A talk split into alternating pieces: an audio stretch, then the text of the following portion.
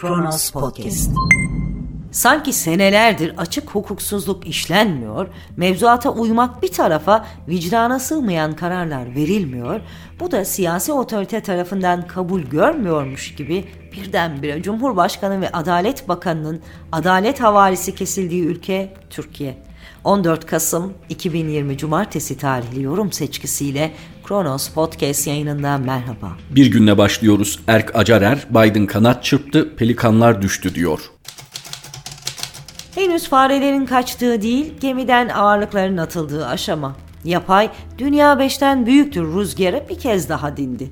Türkiye'de çarpıcı gelişmeler yaşanırken AKP iktidarı ve havuz medyasının eşyalarını toplayan Donald Trump sevgisi daha anlaşılır oldu. Joe Biden 8 Kasım'da 46. Amerika Birleşik Devletleri Başkanı seçilmeyi garantiledi.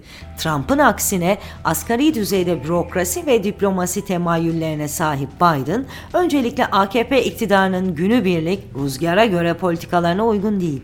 Ayrıca Amerika Birleşik Devletleri seçim iklimine girdiği anda Türkiye'de muhalefeti destekleyerek iktidarı değiştireceğiz ifadelerini kullanmıştı. 8 Kasım'dan bu yana Türkiye'de yaşananlar dikkat çekti. AKP mecburi bir vitrin değişiminde. Siyaset taşları yerinden oynarken kaygan zemin, yargı ve medyayı zorluyor. Dışarıdan gelen bu domino etkisine bakalım. Türkiye tarihinde bir ilk yaşandı. Bir bakan sosyal medyadan af talebini duyurdu.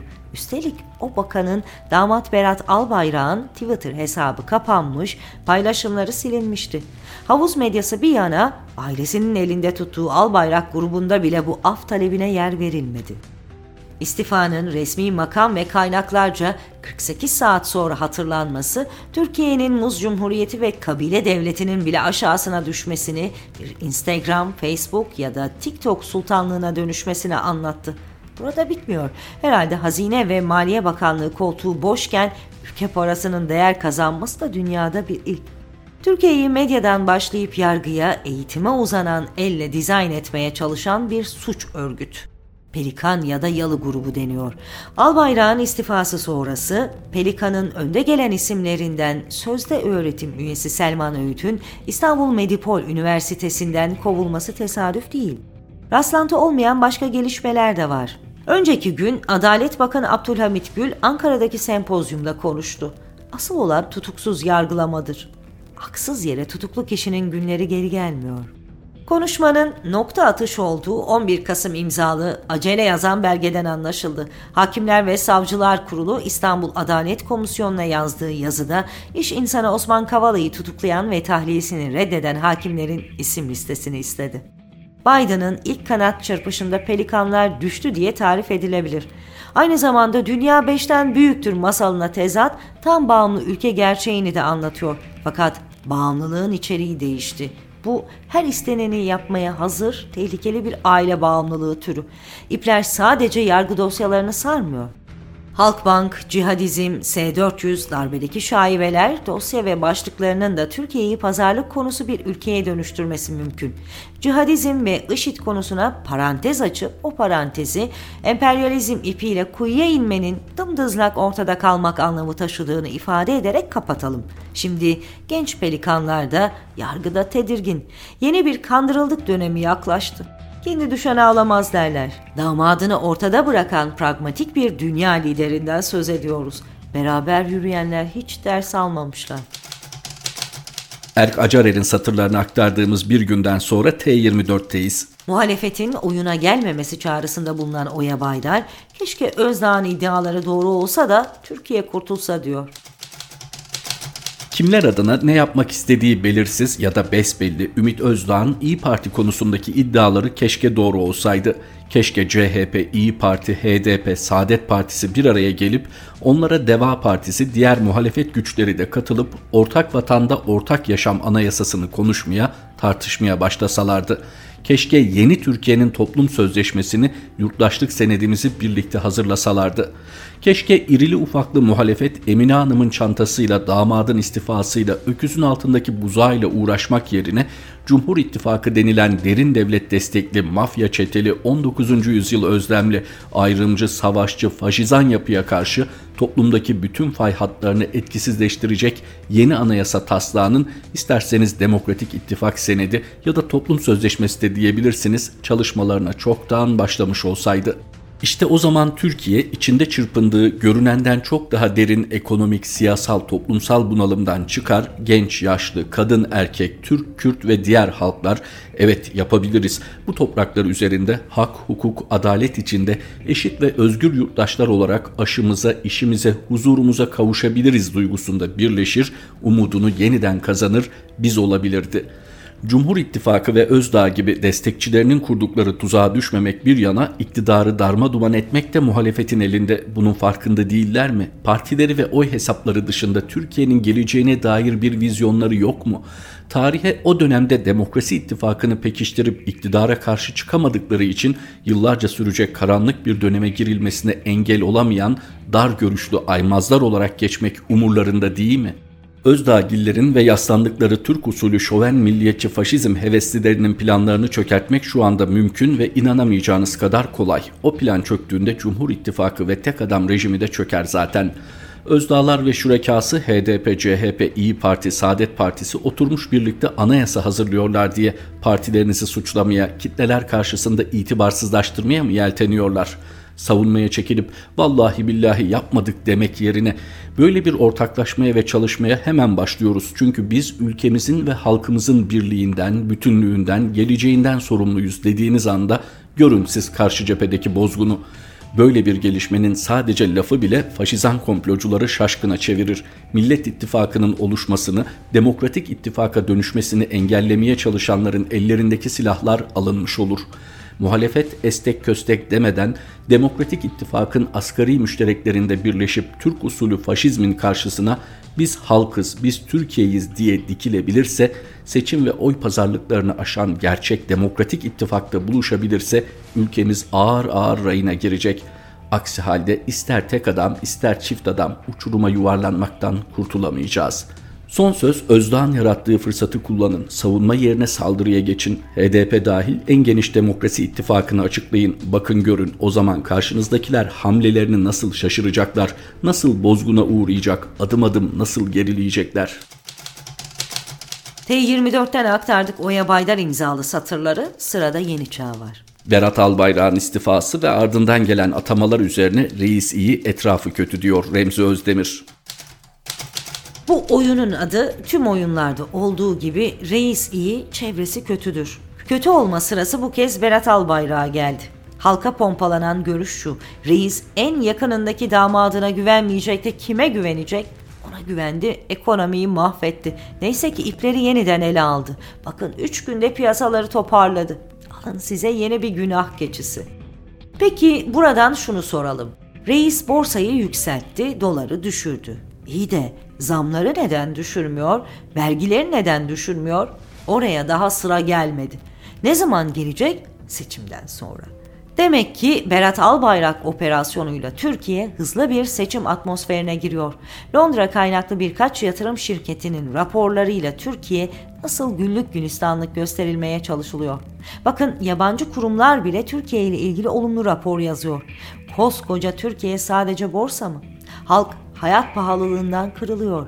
İş yerleri işten çıkartmak yasak olduğu için çalışanlarını ücretsiz izne çıkartıyor.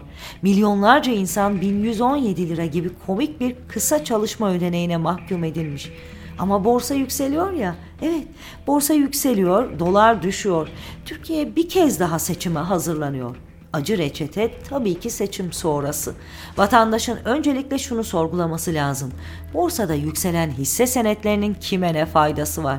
Mesela bana markette bir faydası var mı? Borsadaki bir şirketin bir haftada yüzde 40 prim yapması kasaptan et alamayan vatandaşa müjde olacak mı? Dolar düşüyor.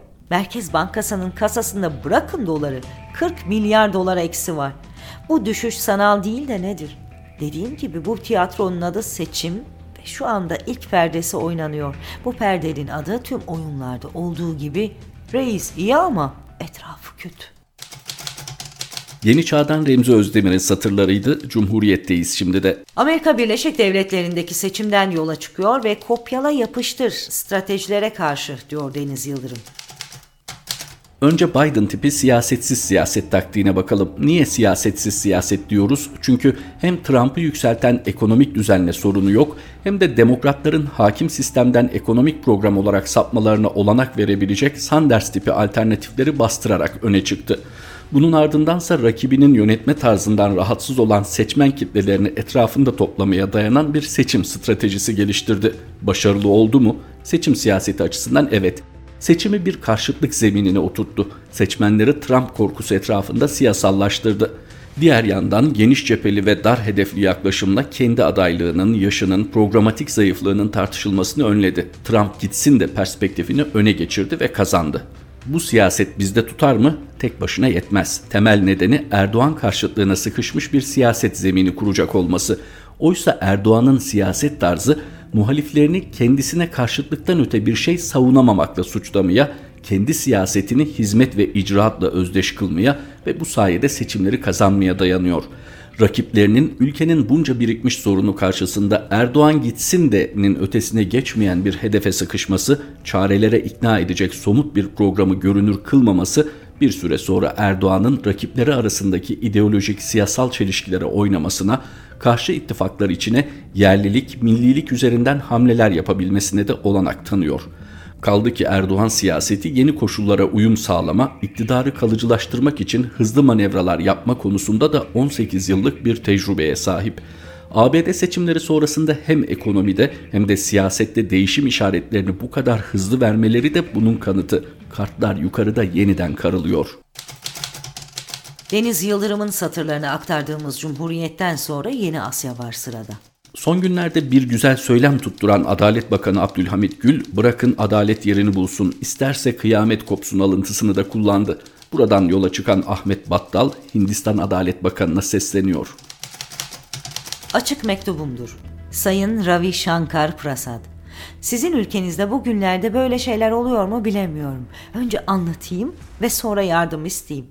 Mevkidaşınız ülkemizin Adalet Bakanı Abdülhamit Gül hemen hemen her konuşmasında ısrarla devletimizi hukuk devleti haline getirmeye çalışmaktan dem vuruyor. Önceki günde öyle yaptı.